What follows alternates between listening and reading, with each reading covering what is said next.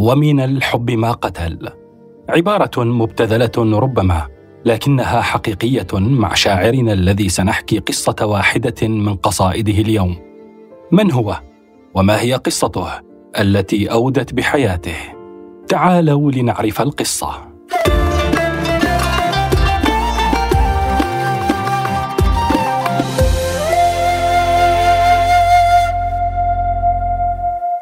المرقش الأكبر.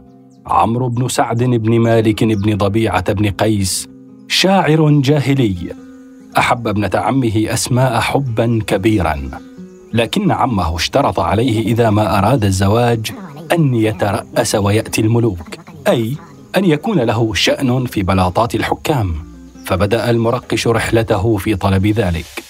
واستطاع بعد زمن أن يصل إلى بلاط ملك في اليمن. فامتدحه ولاقى جزاء ذلك الثناء والمال.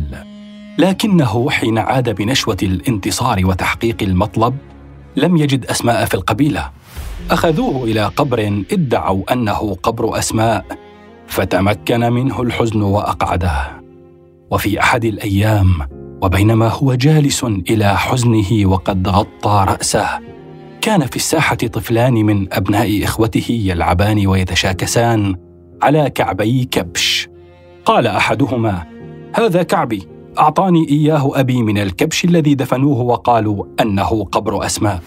فكشف عن رأسه ودعا الغلام وسأله عن الحادثة فأخبره. فدعا خادمة له وزوجها وأعد رحله وعزم من فوره الذهاب وراء أسماء وأخذ معه الخادم وزوجه وفي الطريق أصابه مرض شديد أقعده فآوى إلى كهف قريب في أرض نجران ولما رأى الخادم أن المرقش هالك دعا زوجه وأخبرها أنهما يجب أن يتركاه هنا ويعودان إلى القبيلة فهو يموت مرضا وهما سيموتان ضنكا. فلما سمعت الزوجة ذلك بكت فقال الخادم إما تأتين معي أو أذهب دونك. فسألته ما نقول إذا ما سألونا عنه. فقال نقول أنه مرض ومات.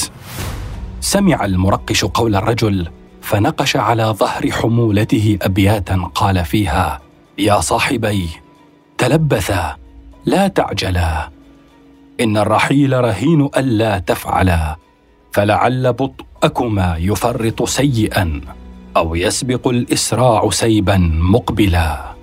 يا راكبا إما عرضت فبلغا. أنس بن سعد إن لقيت وحرملا.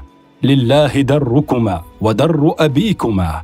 إن أفلت الغفلي حتى يقتلا. من مبلغ الأقوام أن مرقشا. أمسى على الأصحاب عبئا مثقلا. وكأنما ترد السباع بشلوه إذ غاب جمع بني ضبيعة منهلا. حين عاد الخادم وزوجه إلى القبيلة قصا الحكاية على أهل المرقش فارتاب أخوه منها وبينما هو يرتب الرحل. قرأ الأبيات التي كتبها المرقش على مؤخرة الراحلة فاستنطق الخادم وزوجه فأقرا بما حصل ووصفا له الكهف الذي تركا المرقش فيه فقتلهما أخوه. تقول الحكاية أن أخاه حين لحق بمكانه عرف أن غنما اقتربت من الكهف الذي يبيت فيه المرقش. لحقها الراعي فرأى رجلا بحال يرثى لها. وحين تعارفا عرف المرقش أنه راعي غنم زوج أسماء. فسأله أن يوصل رسالة لأسماء. لكن الراعي كان أقل شانا من أن يحدث زوج سيده فأعطاه المرقش خاتما. وأخبره أن يضعه في إناء حليب سيدته وهي لا شك ستتعرف عليه من خلال الخاتم. وهذا ما حصل. فما إن رأت أسماء الخاتم حتى سألت عن مصدره. لم تعرف الخادمة شيئا عن الأمر فأرسلت وراء راعي الغنم فقص عليها الحكاية فطلبت من زوجها أن يذهبا إلى الكهف. وحين وصلا كان المرقش قد بلغ به المرض والإعياء حدا كبيرا فحملاه إلى المنزل وبينما هو بين الصحو والغياب تراءى له خيال من أسماء فقال ابياتا وأسلم روحه بعدها. يقال أن المرقش قد سمي بذلك لأنه قال مرة ضمن بيت شعري كما رقش في ظهر الأديم قلم. أما لقبه الأكبر فلأن له ابن أخ كان شاعرا وحمل لقب المرقش الأصغر. قال المرقش الأكبر في أبياته الأخيرة قبل موته سرى ليلا خيال من سليمى فأرقني وأصحابي هجود فبت أدير أمري كل حال وأرقب أهلها وهم بعيد.